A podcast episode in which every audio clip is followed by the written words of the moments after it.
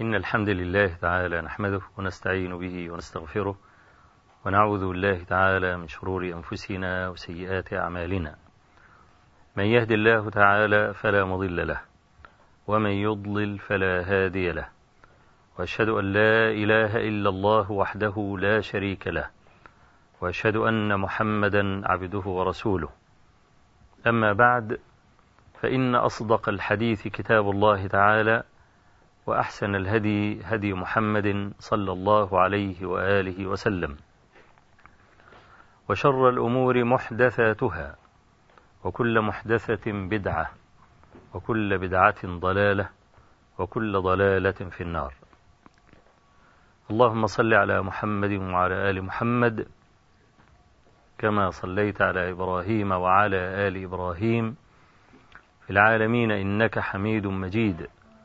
وبارك على محمد وعلى آل محمد كما باركت على إبراهيم وعلى آل إبراهيم في العالمين إنك حميد مجيد.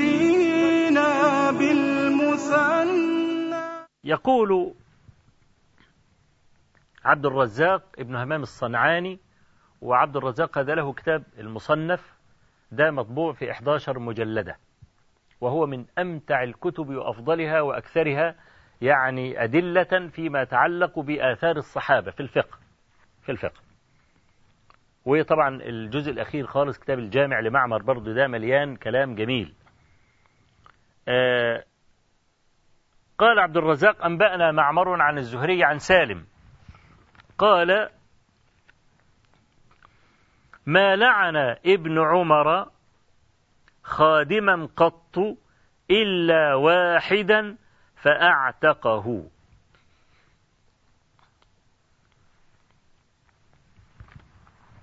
طبعا ليه؟ لأن اللعنة لعن المعين ممنوع. لا يحل لك أن تلعن رجلا معينا. تقول لعنة الله على فلان ابن فلان. إنما ممكن تلعن الجنس. أو تلعن العموم دون أن تخص ملعونا بعينه.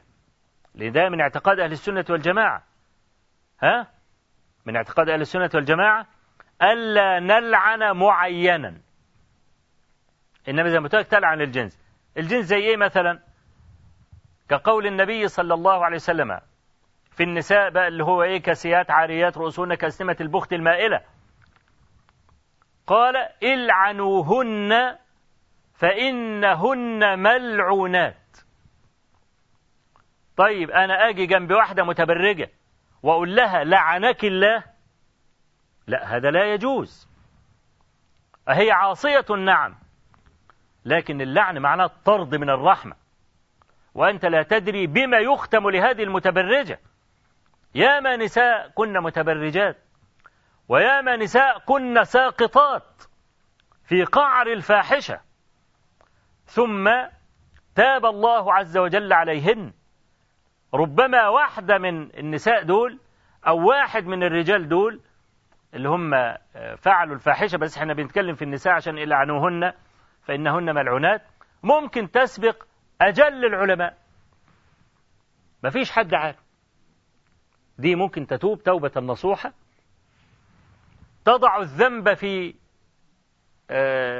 أمام عينها وهي تخشاه وكل يوم عمالة تشتغل وتجد في العمل عشان تتوب عشان يغفر لها هذا الذنب فلا تزال كل يوم في ازدياد في ازدياد في ازدياد حتى تلقى الله عز وجل في ازدياد. ما فيش حد عارف. فأنت لما تيجي تلعن واحدة متبرجة أو واحدة عاصية تلعنها بعينها انت الخواتيم ليست بيدك. الخواتيم بيد الله. فقد يجتبيها الله عز وجل قد يتوب عليها انت ما تعرفش. وممكن هذا اللاعن يضل. هو اللي يضل ويموت على الضلال يموت على الفسق يموت على الكفر يموت على أي حاجة. يموت على المعصية حتى وهو يفعلها. عشان كده ما ينفعش حد يلعن معين. طيب لما ألاقي واحدة متبرجة مثلا واحد عايز يطبق الحديث. آه ممكن يقول لعن الله المتبرجات. بس كده. ما هو ده منصوص الحديث. العنوهن إنهن ملعونات. لكن ما أقولش لعنة الله على فلانة. أو أروح لها أقول لها لعنة الله عليك. كل هذا إيه؟ ممنوع. كما قال النبي صلى الله عليه وسلم لعن الله شارب الخمر. أي شارب؟ فلم يسلط اللعنة على معين. ولعن الله الواصلة والموصولة. ولعن الله الواشمة والموتشمة. ولعن الله من آوى محدثا. ولعن الله من غير منار الأرض. ولعن الله من انتسب إلى غير مواليه. آه نلعن آه نلعن من فعل هذا. هكذا على العموم. لكن لا نلعن على التعيين إلا من عينه الله ورسوله. ومن توقف عن لعن هؤلاء أو عن تكفير هؤلاء يصير مثلهم إذا كان عاقلا. وإذا كان يعلم أن هذا الخطاب من الله عز وجل أو من النبي صلى الله عليه وسلم وصح عنه. فليجي يقول مثلا أنني لا ألعن ولا أكفر أبا لهب. ده يبقى كافر زيه على طول. لأن النص قطعي قطعي الثبوت قطعي الدلالة. الذين لعنهم النبي عليه الصلاة والسلام وكفرهم. كأبي جهل وعتبة بن ربيع شيبة بن ربيع. وهؤلاء الصناديد. نحن نقطع أن هؤلاء كفرة وكان النبي صلى الله عليه وسلم يلعنهم بأسمائهم. طيب أنا عندي إيه عندي إيه هذا الضابط الذي ذكرته. ابن عمر رضي الله عنه ما لعن خادما قط إلا مرة واحدة. لعن فيها خادما فأعتقه كفارة لعنه. ده الكلام اللي هو بيقوله سالم مولى عبد الله ابن عمر. آه وفي صحيح مسلم أيضا آه أن عبد الله بن عمر آه لطم خادما أو ضرب خادما له. فتناولت ابنة من على الأرض وقال ما لي فيه من الأجر مثل هذه. سمعت النبي صلى الله عليه وسلم يقول من لطم مملوكا أو ضربته أو ضربه فكفارته عتقه. يقول ما لي فيه مثل هذه من الأجر. ليه؟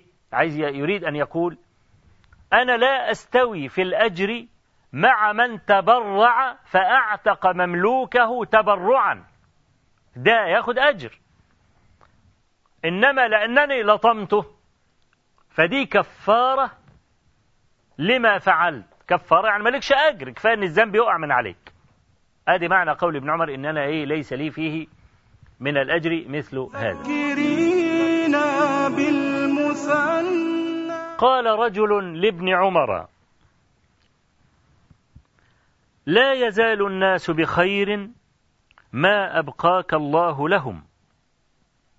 فغضب وقال إني لأحسبك عراقيا وما يدريك على ما أغلق بابي. سبحان الله. هذا الرجل يقول لابن عمر يعني لا يزال الناس بخير ما أبقاك الله لهم. فينكر عليه ابن عمر إنكارا شديدا.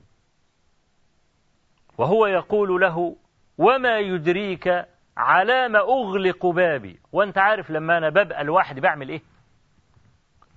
أه ممكن إنسان يطلع إلى الناس ويتجمل بإنسان فاضل بإنسان عاقل وينطق أو يتحدر الدر من بين شفتيه في الكلام لكنه غشوم ظلوم. إذا دخل بيته يجلس الواقف ويضطجع الجالس والبيت كله يخرس في بعض الناس كده عندها يعني غلظة في التعامل غلظة في الكبد. يطلع بره تلاقيه زي النسيم.